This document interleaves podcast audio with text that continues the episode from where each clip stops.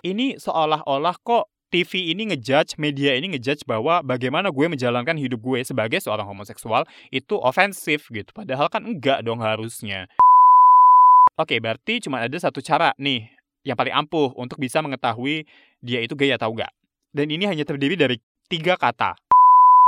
Emang lo nggak capek ya stay in the closet gitu? Well, mungkin lo capek iya, nggak apa-apa juga, tapi lo juga harus pikirin, emang kalau misalnya lo coming out, bakalan hilang capeknya. Udah deh, bilang aja bahwa lo itu lebih suka kan kalau misalnya gue nggak gay.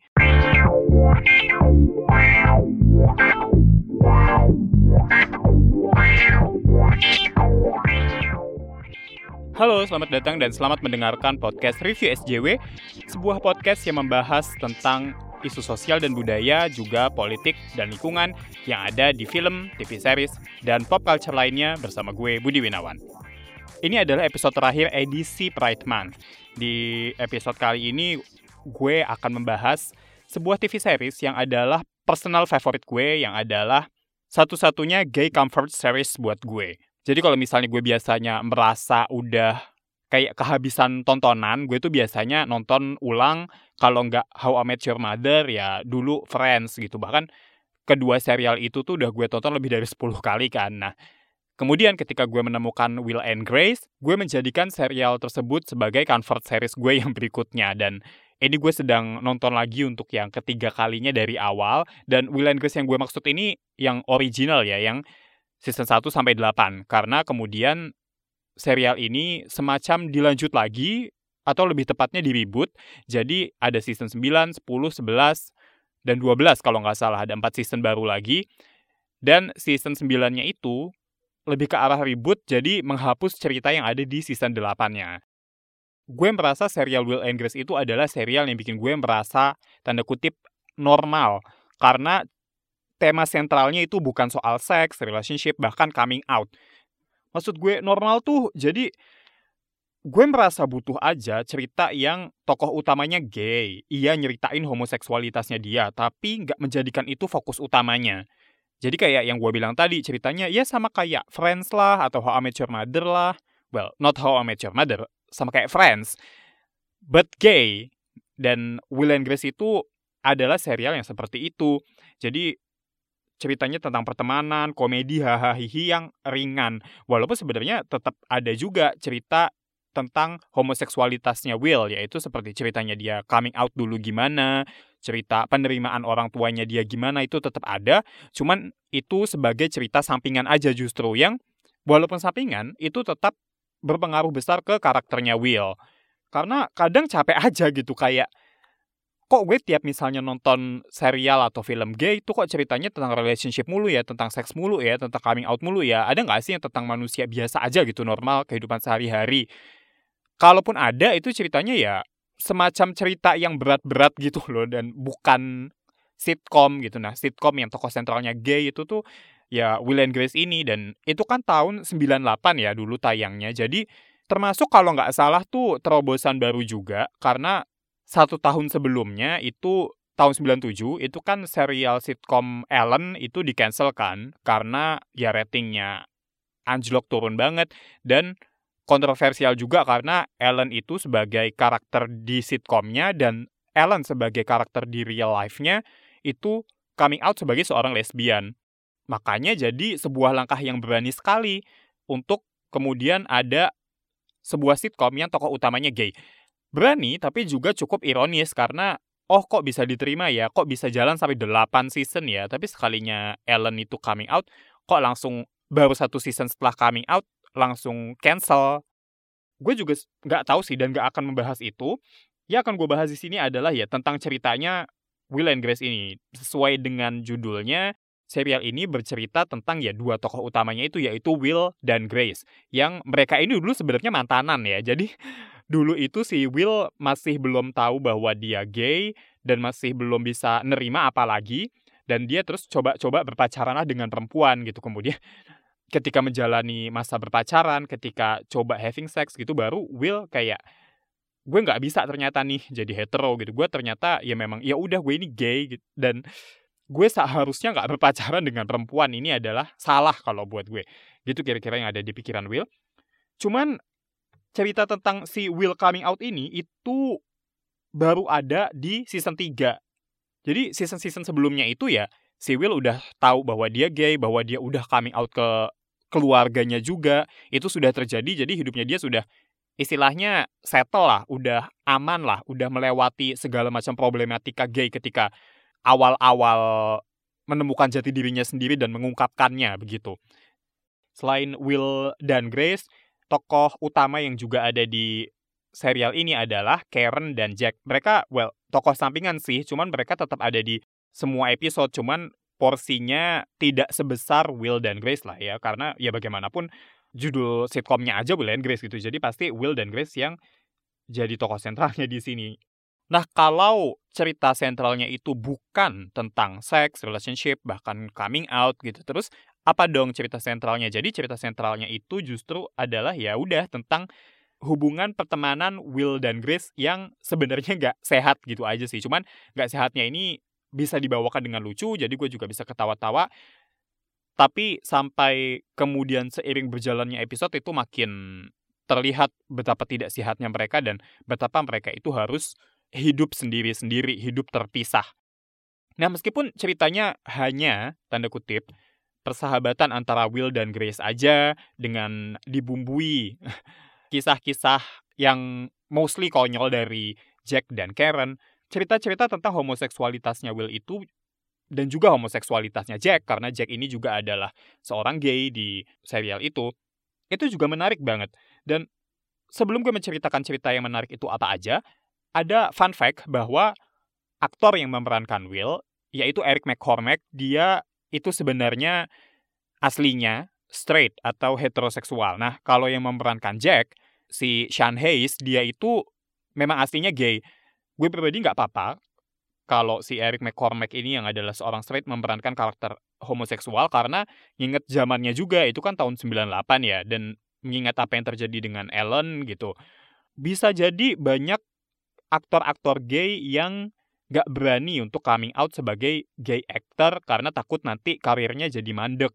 Walaupun ya si Sean Hayes ini berani sih, tapi kok dia nggak jadi Will gitu. Karena kalau gue lihat di serial ini, Jack itu tuh karakter tipikal yang tanda kutip gay banget lah, yang ngondek banget, yang berisik banget, yang ekstra, yang sih. Dan Will itu nggak kayak gitu. Will tetap juga ada sisi femininnya. Will juga uh, somehow ngondek, tapi cuman levelnya jauh berbeda dengan Jack kalau dari yang gue lihat. Nah, makanya justru si Sean Hayes ini lebih cocok memerankan Jack karena si Jack itu stereotypically setidaknya lebih gay ketimbang Will. Nah, sekarang balik ke cerita tentang homoseksualitasnya itu tadi, isu-isu homoseksualitas yang ada di Will and Grace. Itu sebenarnya ada lumayan banyak. Cuman satu season ini kan ada 22 sampai 24 episode kan. Nah, cerita tentang homoseksualitas Will dan juga Jack termasuk tentang cerita perkencanan mereka itu tuh yang benar-benar serius ya. Itu itu paling digambarkan satu season sekitar ya nggak sampai 10 episode lah. Paling 3, 5 atau 7 episode doang. Bahkan kayak oke, okay, Will itu sesekali mengencani pria, tapi cowoknya itu nggak dikasih lihat siapa, bahkan nggak ada adegan ciuman, apalagi adegan seks itu sama sekali nggak ada. Itu Will diceritakan punya pacar yang serius dan pacarnya ada dan terus dijadiin uh, pasangan jangka panjang. Itu tuh baru pertama kali ketemu itu di season 5 dan jadiannya di season 6. Itu pun setelah dari season 5 pertama kali ketemu, ketemu laginya tuh di episode yang masih entar-entar, masih lama. Nah tadi kan gue bilang bahwa adegan ciuman juga nggak ada. Nah itu cara bagaimana serial Will and Grace menampilkan adegan ciuman itu juga cukup politis bisa dibilang karena adegan ciuman antara cowok dan cowok yang pertama kali ada di serial Will and Grace itu itu berawal dari salah satu episode di mana si Jack itu nggak terima karena NBC tadinya menjanjikan akan ada adegan ciuman antara dua orang cowok gay, dua orang pasangan gay di sinetron yang akan tayang gitu. Tapi kemudian ketika si Jack, Will, sama Grace itu nonton TV bareng-bareng, ternyata adegan ciumannya nggak ada. Jadi waktu pas dua karakter dalam sinetron itu mau ciuman, kameranya terus berubah posisinya. Jadi nyorot ke perapian. Jadi nggak ngasih lihat ciumannya itu. Jadi ciumannya terjadi cuma di background yang di layar itu kita nggak bisa lihat gitu kan. Nah terus Jack protes lah ke NBC, which is yang nggak diterima juga, which is cuman kayak literally bilang no comment gitu doang. Terus akhirnya waktu pas keluar dari kantor NBC, di jalan itu kan lagi ada semacam uh, news live report gitu kan. Terus si Jack pergilah ke sana sama si Will juga terus bilang bahwa NBC bohong katanya mau ada adegan ciuman antara dua laki-laki gay di TV tapi kok nggak ada gitu. Dan Jack bilang Jack merasa Jack tahu betul bahwa ini seolah-olah kok TV ini ngejudge, media ini ngejudge bahwa bagaimana gue menjalankan hidup gue sebagai seorang homoseksual itu ofensif gitu. Padahal kan enggak dong harusnya. Nah, reporternya pun kalau nggak salah juga ya menunjukkan sedikit empati ke Jack, tapi cuma juga kan ya dia tidak bisa berbuat apa-apa kan. Terus si Jack juga ya bilang di depan mic itu, di uh, depan kamera itu yang lagi live, dia bilang harus berapa lama lagi kita nunggu adegan ciuman antara dua orang cowok di TV gitu. Terus si Will bilang, gak selama yang lo pikirin gitu. Terus langsung dicium lah Jack di situ. Padahal si Will juga gak ada rasa apa-apa sih sama Jack. Cuman dia ingin bikin statement aja bahwa cowok dengan cowok ciuman di TV itu tuh harusnya nggak apa-apa loh udah di tahun segitu gitu. Nah gitu, jadi ciumannya justru bukan antara Will dengan pacarnya atau teman kencannya atau Jack dengan teman kencannya gitu. Tapi itu adalah sebuah ciuman yang menandakan protes dan statement. Oke, uh, selain itu ada beberapa episode yang cukup banyak. Misalnya itu, oh ada episode yang ini lucu banget. Jadi Will itu kan cowok gay, Grace itu kan cewek straight kan hetero. Pernah ada satu episode di mana Will dan Grace ini suka cowok yang sama. Karena cowok ini bahkan dari yang gue lihat sendiri itu apa ya kayak ngegodain deh kayak ngegodain Will dan Grace gitu. Jadi gesturnya tuh gestur menggoda bukan cuma sekadar gestur yang baik. Tapi kan ya Will dan Grace nggak tahu dong itu cowok apakah hetero atau gay. Terus akhirnya nanyalah mereka ke Jack gitu karena Jack itu gaydarnya kuat sekali kan. Gaydar ini adalah singkatan dari gay radar. Jadi sebuah kemampuan yang unik untuk mendeteksi seksualitas seseorang apakah dia ini gay atau enggak. Dasar ilmiahnya nggak ada ya, jadi kita nggak bisa membenarkan ini sebenarnya, but you know, some people claim that they have strong gaydar anyway, including me. Dan apa ya, itu berdasarkan pengalaman aja sih. Tapi cuman apa ya, nggak bisa dijadikan patokan banget bahwa oh kalau lo bilang gaydar lo kuat itu berarti lo selalu benar dalam menebak seksualitas orang nggak selalu gitu ini karena bisa jadi salah gitu. Bagaimana kita bisa tahu seksualitas seseorang? Yaitu adalah dengan cara ya bertanya dan itulah yang dibilang Jack. Tapi pertama-tama dia ngulur waktu dulu. Si Will bilang kan, oke gue waktu itu kan ke kamar mandinya dia tuh. Terus di kamar mandinya dia itu ada tiga majalah gitu. Nah, Grace juga sama. Dia juga ke kamar mandi si cowok ini dan juga menemukan ada tiga majalah. Terus disebutin lah nama majalah-majalah itu gue lupa nama majalahnya apa aja tapi yang jelas majalah yang pertama itu majalah yang stereotypically tidak akan dibaca oleh cowok gay. Terus majalah yang kedua itu adalah majalah yang akan dibaca oleh stereotypical gay. Nah terus si Jack bilang bahwa kuncinya ada di majalah yang ketiga. Terus dibilanglah bahwa majalah yang ketiga adalah Vanity Fair. Terus si Jack bilang, unless it's Vanity Fair. Yang berarti bahwa Vanity Fair itu adalah majalah yang dibaca oleh baik gay maupun hetero gitu kan.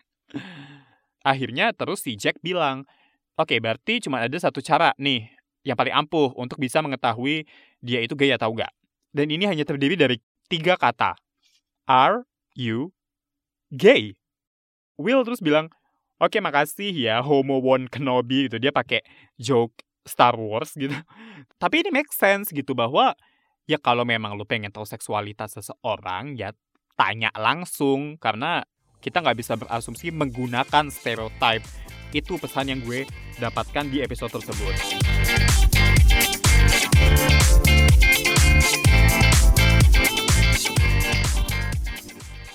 Terus ada lagi yang message-nya itu cukup dalam, yaitu Will nggak mau Jack gabung di gymnya dia. Jadi Jack ini di gymnya yang sebelumnya dia kan pakai nama orang lain, pakai identitas orang lain. Nah terus ketahuan lah gitu. Jadinya dia ya akhirnya memutuskan untuk nggak nge-gym lagi di tempat itu. Terus dia pengen gabung di gymnya Will. Nah Willnya keberatan karena ternyata Will itu malu kalau misalnya nanti di tempat gymnya itu ada kolega kerjanya dia yang ngeliat dia berinteraksi dengan Jack karena Jack itu terlalu ngondek gitu bahkan si Will itu sempet bilang di belakang Jack dia bilangnya ke Grace bahwa sometimes Jack can be such a fag. Fag itu ya singkatan dari faggot yang itu sebenarnya adalah kata-kata yang sangat menyinggung, sangat kasar yang mungkin bisa disamakan kurang lebih ya dalam bahasa Indonesia dengan kata bencong. Tapi terus di akhir episode ya dia belajar lah karena dia juga terus ngobrol sama Jack dan Jack gak terima dipanggil kayak gitu. Terus Jack bilang bahwa I rather be a than afraid. Jadi dia lebih baik jadi kayak bencong aja, jadi sebagaimana dirinya apa adanya aja ketimbang dia menyembunyikan diri dan takut gitu. Nah terus dari situ ya si Will sadarlah bahwa dia salah. Terus kemudian diperkenalkanlah Jack itu dengan temannya si Will, dengan kolega kerjanya Will. Dan kolega kerjanya Will juga nggak gimana-gimana juga sebenarnya sih gitu. Jadi rasa malunya Will itu sebenarnya yang nggak masuk akal. Nah, speaking about Jack, walaupun dia adalah orang yang ngondek, orang yang kelihatannya kayak out and proud banget, dan dia bahkan punya logika berpikir yang terbalik dengan orang-orang pada umumnya, which is kind of funny dan cukup make sense, tapi itu akan gue bahas nanti. Jack itu ternyata belum coming out ke nyokapnya. Padahal dia yang bisa dibilang maksa Will untuk coming out ke keluarganya gitu. Terus akhirnya ya si Will juga Grace itu jadi bisa dibilang kecewa sama Jack. Terus akhirnya gantianlah si Will yang ngasih advice ke Jack bahwa aren't you tired yet gitu karena itu juga yang dibilang oleh si Jack ke Will waktu pas si Will masih belum coming out gitu. Dan akhirnya dari perkataan si Jack itu si Will kemudian memberanikan diri untuk coming out ke keluarga ke orang-orang terdekat. Nah akhirnya dibalik kemudian si Jack coming out lah ke nyokapnya itu nah cuman ini termasuk coming out yang berjalan dengan mulus ya apalagi itu di tahun 98 99 gitu. Jadi sebenarnya cerita yang cukup meneduhkan hati lah. Dan kalau misalnya kita mau tanda kutip ngikutin pola pikirnya Jack dan Will, terutama kita orang-orang Indonesia itu gak bisa banget ya. Karena kan bagaimanapun sebenarnya Amerika itu kan kultur keagamaannya dan kultur kesukuannya itu kan cukup bebas ya dan mereka banyak yang juga bahkan tidak beragama atau beragama tapi tidak menjalankan prakteknya dengan sangat baik. Proses penerimaannya bisa kalaupun sulit itu nggak sesulit orang-orang di Indonesia lah. Jadi gue pikir sebaiknya kita nggak mencontoh apa yang dilakukan oleh Will dan Jack, nggak mencontoh pola pikir mereka kayak emang lo nggak capek ya stay in the closet gitu. Well, mungkin lo capek iya, nggak apa-apa juga, tapi lo juga harus pikirin emang kalau misalnya lo coming out bakalan hilang capeknya. Nggak juga, bisa jadi malah tambah capek karena coming out itu emang cuma sekali tapi pertanyaan following up-nya itu banyak banget. Well, nggak banyak banget mungkin ya, tapi bisa jadi lebih memberatkan. Karena gue aja setelah coming out ke nyokap, nyokap gue udah tahu kok kalau gue gay. Tapi pernah dia itu nanyain tentang gimana nanti kalau misalnya gue menikah sama perempuan gitu. Karena dulu gue pernah kan waktu pas masih SMP atau SMA bercerita bahwa oh kalau misalnya nanti gue udah gede nih udah dewasa aku sih maunya menikah dengan seorang perempuan yang begini begini begini begini. Gitu. Nah nyokap ngebahas itu terus gue bilang ya itu kan dulu aku masih remaja masih SMP masih SMA aku belum tahu maunya apa. Kalaupun iya aku tahu maunya apa. Masa iya aku coming out? Masa iya aku ngaku kalau aku gay di usia segitu ya aku belum siap dong. Aku bilang kayak gitu kan. Itu pun gue menjawabnya itu agak-agak berat agak-agak literally bikin gue rada-rada sesak nafas gitu lah karena gue takut kalau misalnya gue ngejawab nanti orang tua gue nanti nyokap gue itu akan semacam tersakiti atau nggak terima gitu. Karena berharapnya ya gue nggak gay. Will pun juga mengalami permasalahan yang sama kok. Meskipun bokapnya itu udah nerima dia gay, nyokapnya juga, bokapnya itu bohong ke teman-teman kerjanya di kantor bahwa Will itu menikah dengan Grace. Padahal Will itu gay gitu. Jadi sebenarnya nggak apa-apa kok kalau misalnya bokapnya Will itu nggak bilang bahwa Will itu gay ke teman-teman kantornya ya. Tapi ya jangan terus bohong juga dong bahwa Will itu udah menikah dengan Grace gitu. Terus juga permasalahan lainnya datang lagi di season 8. Jadi bokapnya Will itu kan punya tradisi untuk ngasih anduk yang dipakai anak-anak mereka ketika masih kecil itu akan ketika masih bayi, sorry, lebih tepatnya, itu akan dikasih lagi ke cucu mereka nantinya. Will ini kan tiga bersaudara ya. Tiga apa dua? Gue lupa. Tiga deh kalau nggak salah.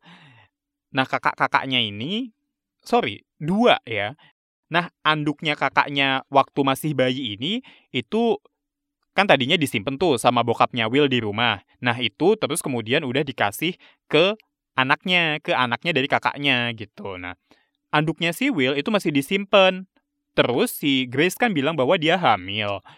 Akhirnya si bokapnya Will ini kemudian bilang bahwa oke okay, gue akan kasih anduknya Will dulu yang dipakai dia waktu masih bayi ke anak lo ya gitu.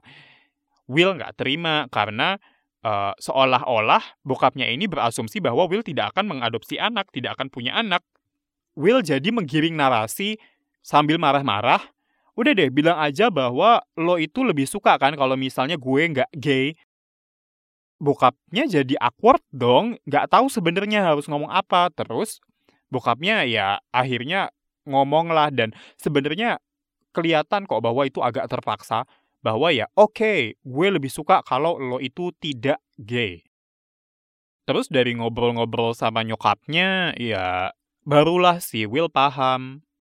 Will itu tiap berpacaran juga nggak pernah bawa pacarnya ke rumah, nggak pernah ngenalin pacarnya ke rumah. Dulu Will itu pernah pacaran sampai tujuh tahun kan. Tapi cuman itu jadi background story. Jadi di season pertamanya Will itu udah putus sama pacarnya yang tujuh tahun itu, namanya Michael. Nah itu juga nggak dibawa ke rumah. Kemudian ketika dia punya pacar si Vince juga, Vince nggak dikenalin ke rumah, nggak dikenalin ke orang tua, ke keluarga. Jadinya orang tuanya juga bingung gitu karena Will itu nggak pernah cerita apa-apa. Maksudnya oke okay, dia coming out, tapi terus udah gitu nggak menceritakan tentang love life-nya atau bahkan life in general lah jadinya kan bingung apalagi gay itu kan minoritas yang berarti orang tua gay juga minoritas dong. Jadinya mereka nggak tahu gimana bersikap. Tahu-tahu si Will jejelin narasi ke bokapnya gitu bahwa bokapnya itu jangan-jangan lebih suka kalau Will nggak gay. Ya akhirnya ya ya gimana? Bokapnya nggak bisa mikir apa-apa karena Willnya juga ngegas-ngegas terus kan. Dan pertikaian itu perselisihan itu jadi momen terakhir Will dengan bokapnya. Karena kemudian terus setelah Will balik ke rumah nggak lama kemudian bokapnya meninggal karena serangan jantung gitu kan. Jadi ya itu beban yang berat bahwa setelah kami out pun kita harus menjelaskan bahkan kalaupun tidak ditanya dan itu lebih berat karena kalau orang-orang straight kan mereka nggak harus jelasin mereka siapa hubungan mereka bagaimana dan mereka ya bakalan membawa pasangan mereka ke rumah lah. Cuman untuk seorang gay gue nggak tahu ya tiap orang mungkin beda-beda. Orang tua gue sih well bokap belum tahu nyokap sih udah tapi kan penerimaan dia ternyata masih belum seberapa baik kan. Dan kalaupun penerimaan dia baik gue mungkin juga sama kayak Will gitu yang gak akan bawa pacar gue ke rumah ke orang tua gitu. Karena well teman aja nggak gue bawa gak gue kenalin itu apalagi pacar yang adalah cowok pula. Itu coming out is one thing but bringing boyfriends to your home is another thing. Dan itu another difficult thing. Jadi itu susah banget gitu.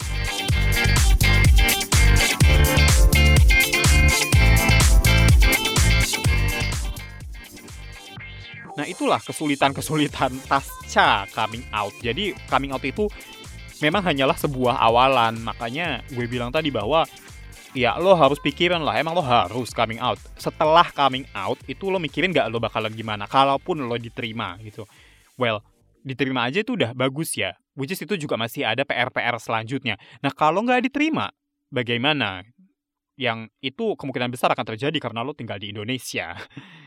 gitu, oke. Okay? Kita lanjut lagi ke momen-momen homoseksualitas yang menarik di Will and Grace ini. Tadi kan gue bilang bahwa Will ini punya mantan kan, namanya Michael. Mereka udah pacaran 7 tahun tapi terus kemudian putus.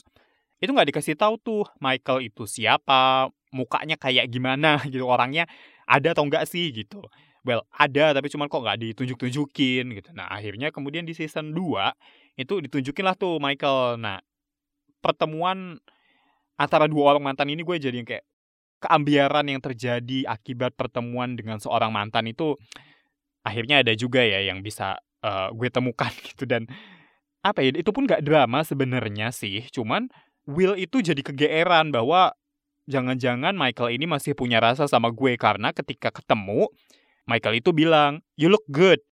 Which is true gitu. Karena memang Will itu ganteng-ganteng banget kan. Apalagi uh, setelah di season 2.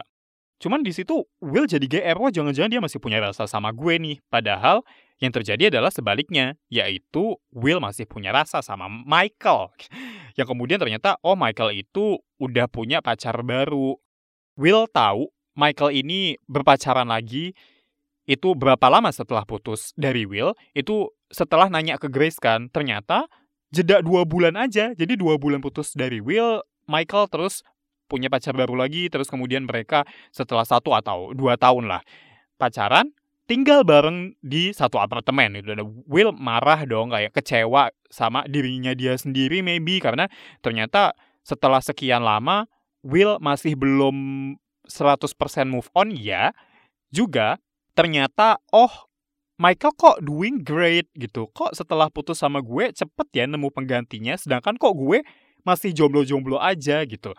Dan gue bisa merasakan hal itu karena, well, gue pacaran sama mantan gue sih sebenarnya juga nggak lama sih, cuman satu tahun doang. Tapi terus mantan gue itu udah punya pacar baru lagi nggak lama setelah putus dari gue, nggak sampai sebulan bahkan. Well, balikan sama mantannya sih, but like still gitu gue baru setelah hampir 2 tahun bisa punya pacar lagi dan gue cuman jadi merasa ini aja gue nggak mempermasalahkan sih mantan gue yang dulu itu balikan lagi sama mantannya. Nggak mempermasalahkan sama sekali karena ya itu hidup dia itu perasaan dia gue nggak bisa mengontrol itu kan. Makanya ya oke nggak apa-apa gitu. Cuman gue jadi mikirin tentang diri gue sendiri bahwa kok gue not doing great ya? Apakah kualitas diri gue ini nggak sebaik itu? Makanya kok gue setelah putus kok nggak pacaran-pacaran lagi. Dan itu pun setelah gue punya pacar lagi, gak sampai tiga bulan gue juga udah putus. Dan sekarang udah 5-6 bulanan, gue masih jomblo-jomblo aja, masih belum punya teman kencan, masih belum punya gebetan bahkan.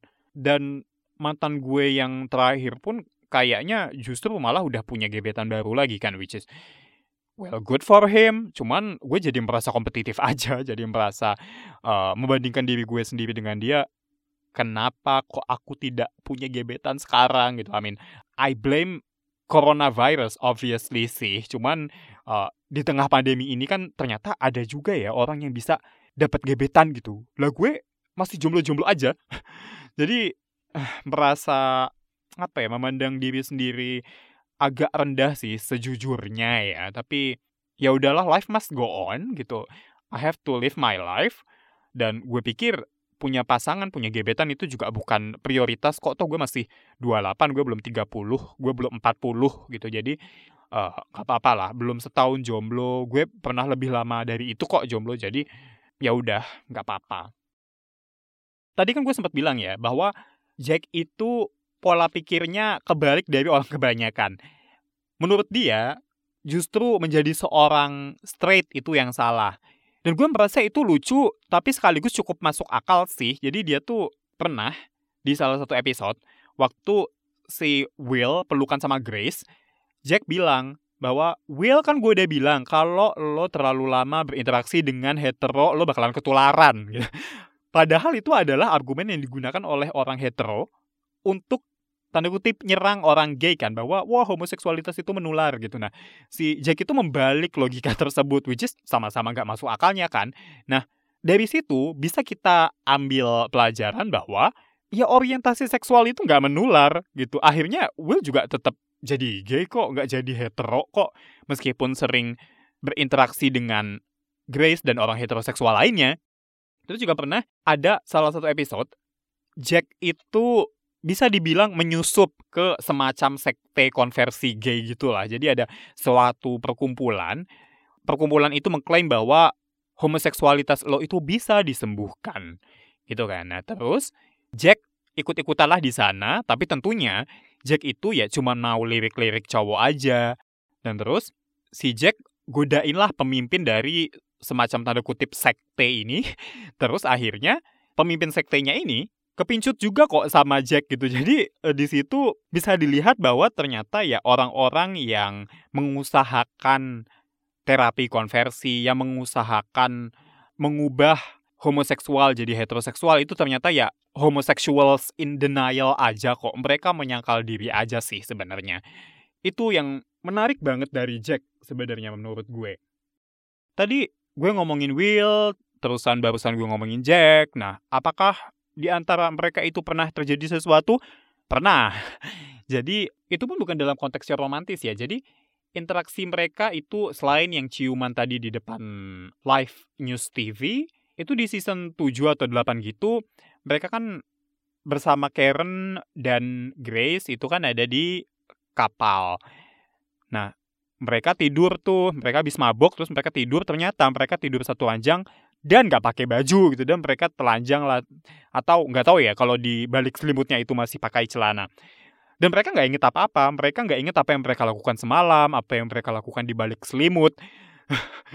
Tapi terus ya mereka yakin bahwa mereka tidak melakukan apa-apa sih karena masih pakai celana kalau nggak salah ada lah adegan yang menyiratkan itu.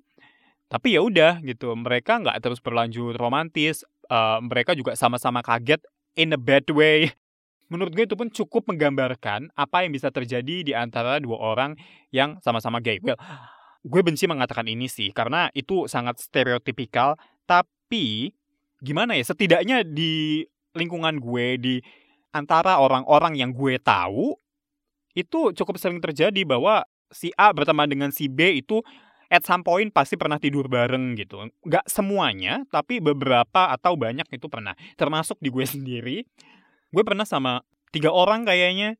It was chill, karena ya orang-orang itu juga chill gitu. Jadi uh, bukan karena paksaan, bukan pemerkosaan, apalagi amit-amit ya. Stereotype bahwa dalam circle gay itu ada aja uh, making out atau seks yang terjadi itu ada sih di circle gue dan itu ada juga ternyata di circle Will, Jack, Grace, and Karen.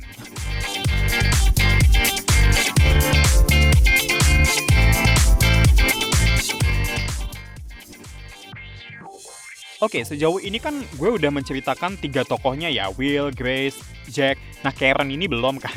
Karen ini juga adalah perempuan hetero jadi dia tuh tipikal orang kulit putih yang kaya raya. Dia itu juga rasis iya, dia itu kejam juga iya in a way. Dan tokoh-tokoh yang lain, Will, Grace, dan Jack memang mendeskripsikan dia sering kali seperti itu. Dan sebenarnya sih bisa dibilang cukup bermasalah ya. Cuman ya gue pikir, huh, what do I expect gitu. Namanya dia aja literally Karen. Karen itu kan apalagi yang diperbincangkan sekarang ini adalah nama yang biasa digunakan oleh orang-orang kulit putih yang bodoh amatan banget, yang rasis, yang jahat lah, yang apalah, yang terlalu dimanjakan dengan privilege-nya mereka gitu. Jadi rasa empatinya itu nol bahkan minus gitu. Nah, Karen itu juga seperti itu sebenarnya. Yang juga gue suka dari Will and Grace ini adalah bagaimana serial ini originally berakhir endingnya itu drama sih, ada pertengkaran lah antara Will dan Grace, kemudian mereka pelan-pelan berpisah lah, menjalani hidup masing-masing. Will dan Vince adopsi anak, Grace sama Leo, mereka juga punya anak. Dan terus selama dua tahun itu mereka nggak saling ngobrol satu sama lain, nggak pernah ketemu satu sama lain. Tapi terus kemudian ketika mereka ketemu, mereka coba ngobrol, mereka coba saling maaf-maafan, oke udah maaf-maafan, Cuman karena mereka hidupnya juga sudah berkeluarga, akhirnya susah nemu waktu yang pas untuk ketemu gitu. Akhirnya ya udahlah sangat jarang banget ketemu dan ketemu-ketemu lagi itu ketika anak mereka sama-sama udah kuliah dan ternyata satu kampus dan ruangannya itu berseberangan. Ruang apa ya kamar di asrama mereka tuh berseberangan, which is waktu Will dan Grace dulu muda juga begitu ternyata. Makanya itu cukup apa ya heartbreaking juga sih buat gue karena selama 8 season gue melihat kedekatan antara Will dan Grace kemudian itu ditutup dengan bagaimana mereka akhirnya menjalani hidup masing-masing dan ya realita hidup begitu bahwa pertemanan antara orang yang sudah dewasa itu pelan-pelan akan berkurang intensitasnya terutama kalau sudah berkeluarga. Sebenarnya serial Will and Grace ini juga problematis sih. Jadi sempat ada lumayan banyak fat shaming Jack itu sering ngatain Will fat alias gemuk, begitu juga sebaliknya. Seolah-olah itu adalah hal yang jelek. Padahal mereka juga nggak pernah gemuk kok sebenarnya. Terus pernah juga ada salah satu episode di mana Karen berusaha menjodohkan Will dengan keponakannya. Terus Will nggak suka kan karena ternyata secara penampilan orangnya ini nggak begitu menarik, terus juga orangnya awkward karena baru menyadari bahwa dirinya gay dan baru out juga. Terus kemudian akhirnya si Karen pun minta tolong untuk gimana caranya ya membentuk si keponakannya Karen inilah namanya Barry supaya ya jadi seorang yang tanda kutip gay yang baik dan benar. Nah, selama proses tanda kutip mentoring Barry untuk menjadi seorang gay yang baik dan benar, Will dan Jack itu lebih memfokuskan diri pada penampilan dan juga eh, ada cara berperilaku tertentu yang itu tuh menandakan bahwa lo gay. Jadi ada ekspektasi bahwa ketika lo tidak berdandan seperti ini, ketika bentuk tubuh lo tidak begitu, ketika lo tidak melakukan hal-hal tertentu, that means you're not gay enough. Itu sebenarnya yang bermasalah. Tapi cuman karena juga ada cerita-cerita yang tadi gue sebutkan, gue merasa Will and Grace juga ada kok episode-episode dan hal-hal yang inspirational buat kita semua. Terlebih lagi, itu juga komedi, jadi menghibur dan ringan.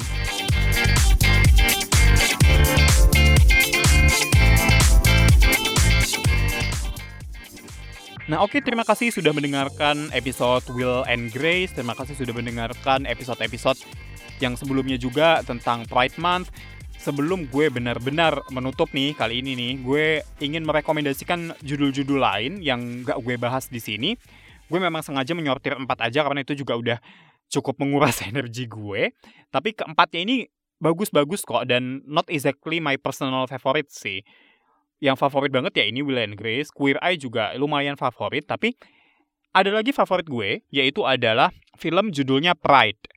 Pride ini menceritakan tentang sekelompok aktivis yang tergabung dalam Lesbian and Gay Support the Miners. Miners itu pekerja tambang ya, jadi spellingnya M-I-N-E-R-S. Miners ya tulisannya, bukan minors.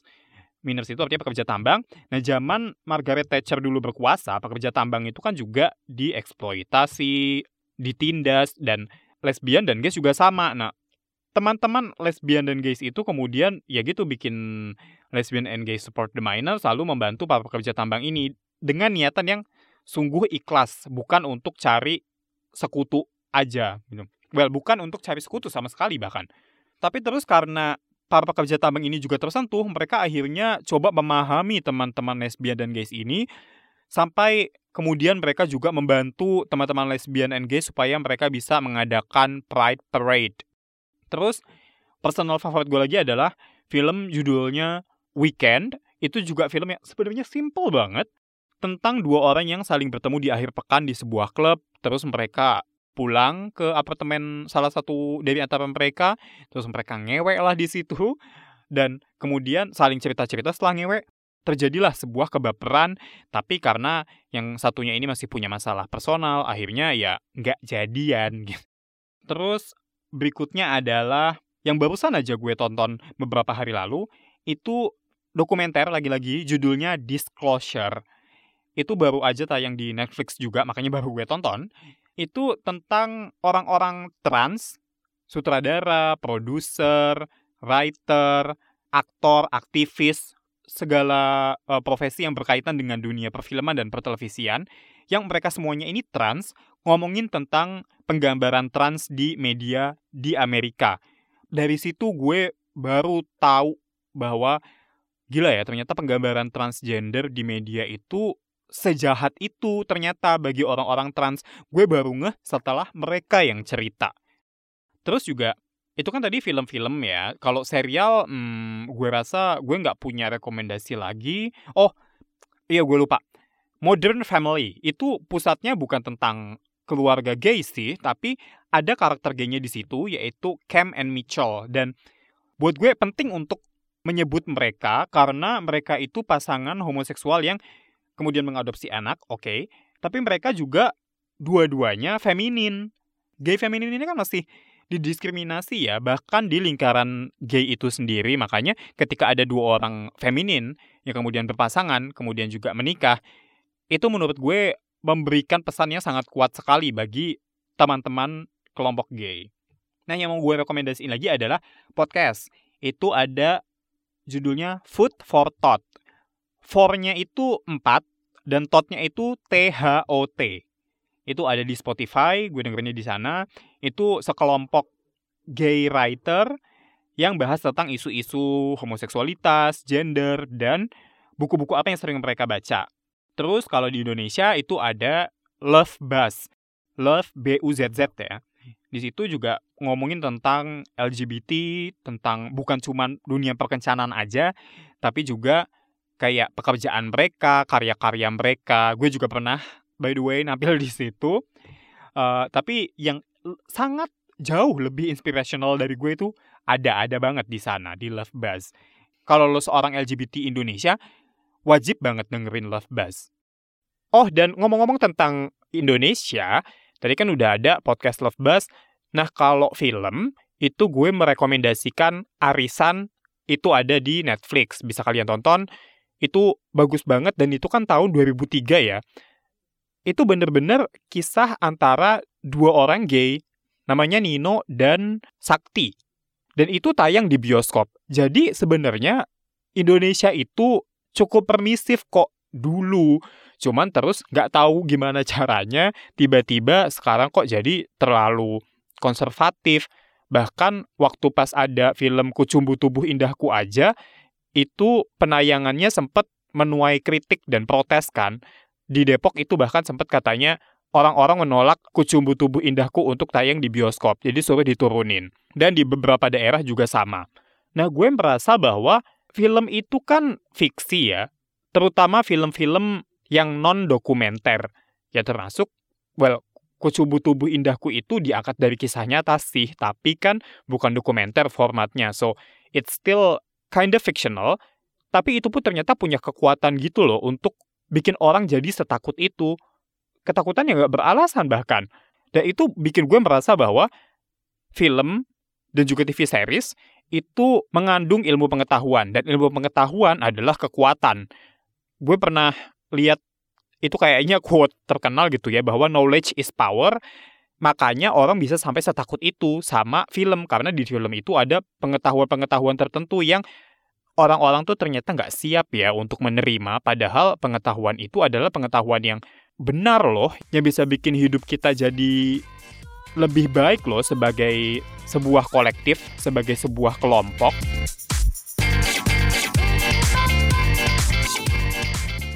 Oke, berhubung ini adalah recording terpanjang yang pernah gue lakukan.